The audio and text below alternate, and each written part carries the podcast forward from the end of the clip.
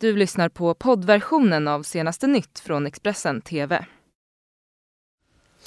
Välkomna till senaste nytt eh, den 14 december med mig Anton Gymark. Det här är våra topprubriker just nu. Klimatförhandlingarna i Madrid förlängs efter strandade samtal. Kristianstad kommun tvingas spara men köper samtidigt in en snögubbe för 120 000. Och tidigare finansministern Anders Borg kritiserar nu Riksbanken för räntehöjningar. Men vi inleder med det här. En man i 30-årsåldern är svårt skadad efter att ha blivit nedstucken i Skogås natten till lördag. Enligt polisen ska mordförsöket eh, handlat om antingen någon granne som blivit irriterad på hög musik eller på en fest som gick överstyr. Larmet om ett bråk i ett flerfamiljshus kom till polisen vid 22.30-tiden under fredagskvällen. När polis kom till Skogås strax eh, söder om Stockholm hittades en man i 30-årsåldern eh, skuren eller stucken med ett vasst föremål och tre personer är nu gripna misstänkta för mordförsök. Sveriges klimat och miljöminister Isabella Lövin är inte alls nöjd med slutförhandlingarna under klimattoppmötet i Madrid. Detta rapporterar SVT Nyheter. Under fredags eftermiddagen kom rapporter om att samtalen strandat och att mötet som skulle avslutas under fredagen drar ut på tiden. Det går faktiskt väldigt dåligt. Allting är uppe i luften mer eller mindre, säger hon till SVT. Lövin fruktar att mötets slutprotokoll kommer att bli väldigt försenat. Vi hade, ett eh, vi hade en liten vadslagning i den svenska delegationen situationen. Det är nästan omöjligt att säga. Det kan dra ut ända till på söndag, säger Lövin till SVT. Det är många som har det skralt i kassan så här år, eh, dags eh, på året i juletider när man behöver ta itu med en hel del extra kostnader. Och Kristianstad kommun, de är inget undantag, men där har man gjort en ekonomisk prioritering som får kritik från stadens invånare. Kristianstad kommun kämpar med en dålig ekonomi och tvingas göra stora besparingar. Men trots det har man gjort ett kontroversiellt inköp med en prislapp som får många att höja på ögonbrynen. Det handlar om den här snögubben som placerats mitt i stadens handelsområde. Inköpet kostade 120 000 kronor och ska nu främja julhandeln i staden. Men en del invånare reagerar på priset. Pensionären Kia Velin säger till Kvällsposten att kommunen kunde ha lagt pengarna på något annat. Hon tror att snögubben kan vara ett panikdrag för att göra något åt att centrum töms på folk. 69-åriga Inger Nyberg från Yngsjö är inne på samma spår och menar att 120 000 är för mycket pengar. Bengt Olsson som är chef på tekniska förvaltningen försvarar Snögubben och säger till Kristianstadsbladet att man vill göra det attraktivt för folk att komma till handelsområdet. Kristianstad kommun har tidigare uppgett att man måste göra besparingar. Budgeten för park och stadsmiljö ska minskas från 17,7 miljoner till 6,2 miljoner. Bland annat påverkas satsningen på lekplatser. Men nu har kommunens yngre invånare åtminstone en glittrande snögubbe att leka med. Och det rapporterade Ellen Pan där om Kristianstads nya julinköp alltså, som inte faller alla i smaken. Riksbanken förväntas höja räntan till noll nästa vecka. Huvudlöst, det menar före detta finansministern Anders Borg som hellre hade sett att räntan fick ligga still. Ja, det innebär att Riksbanken höjer räntan när alla andra centralbanker i världen sänker. Eh, vi ser väldigt tydligt att inflationen i hela världen är låg och kommer bli lägre. Svensk ekonomi kommer bromsa upp, så vi behöver lägre räntor, inte högre räntor. Det vore bättre om man eh, lät räntan vara still och kanske återkom och sänkte den så att vi fick lite lägre bolåneräntor så att vi kan hålla uppe tempot i, i svensk ekonomi. Nu är inte du Stefan Ingves, men varför, varför gör han så här? Jag tror de har låst in sig själva eller målat in sig själva i ett hörn och bundit sig till att det ska höjas. Och de tar inte riktigt ombord att det som nu sker i världsekonomin är att verkstadsindustrin bromsar upp. Sverige har en väldigt stor verkstadsindustri. Vi går in i en djup strukturkris för bilindustrin, framförallt den tyska. Och det kommer slå på Sverige. Och vi behöver inte lägre aktivitet. Vi har redan låg tillväxt. Vi behöver högre tillväxt så att de, alla människor som står utanför arbetsmarknaden kan komma in och få jobb. Hur vill du recensera Stefan Ingves gärning? Stefan Ingves har varit en, en väldigt bra riksbankschef men det är huvudlöst att höja räntan. Det, det är obegripligt varför Sverige ska höja räntan när alla andra länder i världen sänker. Mm, från eh, räntehöjningar till eh, något helt annat. Den 26-åriga mannen knivhotade och rånade ett tidningsbud på sin bil. Därefter resulterade det hela i en biljakt. 9320, ni har visuellt där. Kommer ni kunna påbörja ett stoppförsök? Kom. Jajamän, vi går bakom. Norrtälje natten mot torsdag den 22 augusti. Strax innan klockan två har ett tidningsbud blivit knivhotad och rånad på sin bil av en beväpnad man. Nu pågår jakten för fullt med flera polispatruller och en helikopter. Mannen vägrar att stanna och kör norrut på väg 76 för att sedan vika om mot Väddö.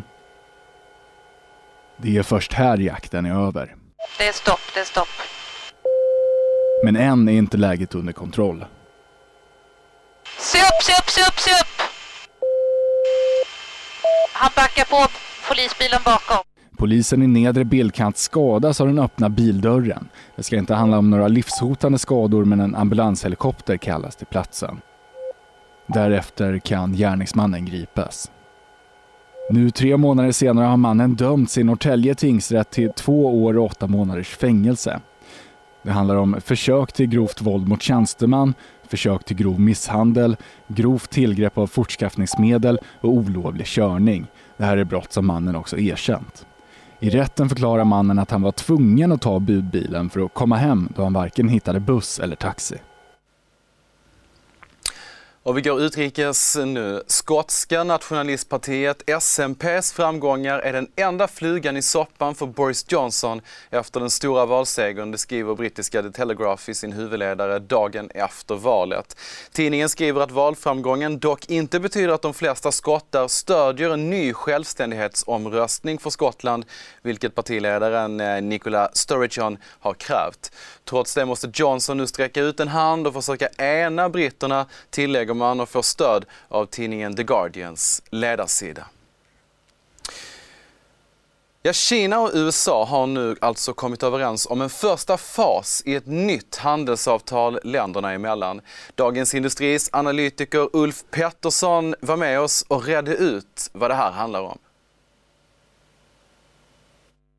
Många som inte, som inte tar det här för givet än förrän det verkligen är, signerat. Vi har ju varit med nu i två års tid egentligen då det har liksom varit väldigt nära avtal. I oktober var de ju väldigt nära avtal eh, men sen så, så bröts det där och så blev det istället ytterligare tullar. Så, så, så det, kan, det kan hända mycket än men det här är ändå ett steg framåt och nu twittrar även president Trump om att eh, den här fas 2-delen eh, av, av eh, handelsförhandlingarna kommer inledas omedelbart, säger han nu, och kommer inte avvakta till efter eh, eh, det amerikanska presidentvalet i november. Förra veckan så lät ju president Trump antyda att han inte behövde ha ett, ett, eh, ett klar, färdigförhandlat kinesiskt handelsavtal när han går in i, sluttampen i, i, i, presidentvalet. Men nu, nu sätter de igång omedelbart med fas 2 så det är uppenbarligen att, att Trump vill så att säga få till ett avtal innan, innan, innan presidentvalet för att det då ska stödja eh, amerikansk ekonomi.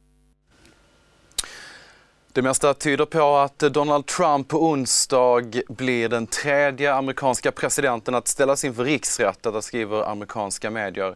Efter att åtalspunkterna idag röstats igenom i justitieutskottet får hela representanthuset rösta på onsdag om det ska bli ett riksrättsåtal i den amerikanska senaten. New York Times skriver att omröstningen väntas följa partilinjerna. Demokraterna har en majoritet på 36 ledamöter och än så länge har bara en av de sagt att de tänker att rösta mot ett åtal. De två tidigare presidenter som ställts inför riksrätt är Andrew Johnson som år 1868 efter att ha avskedat sin krigsminister och Bill Clinton i kölvattnet av Lewinsky-affären 1998. Vi eh, återvänder till eh, Storbritannien och Brexit igen. För eh, efter då alltså tre och ett halvt år av grälande om Brexit så är det nog. Nu måste vi börja läka Brexitsåren. Ja, så säger Boris Johnson efter att ha tagit hem en storseger i det brittiska nyvalet att Torypartiet alltså till, till mångas förvåning då ska vi säga eh, får en egen majoritet. Men beskedet betyder inte att Storbritannien säger adjö till EU. Det säger Boris Johnson i ett tal utanför 10 Downing Street igår. Because now is the moment, precisely as we leave the EU, to let those natural feelings find renewed expression in building a new partnership, which is one of the great projects for next year.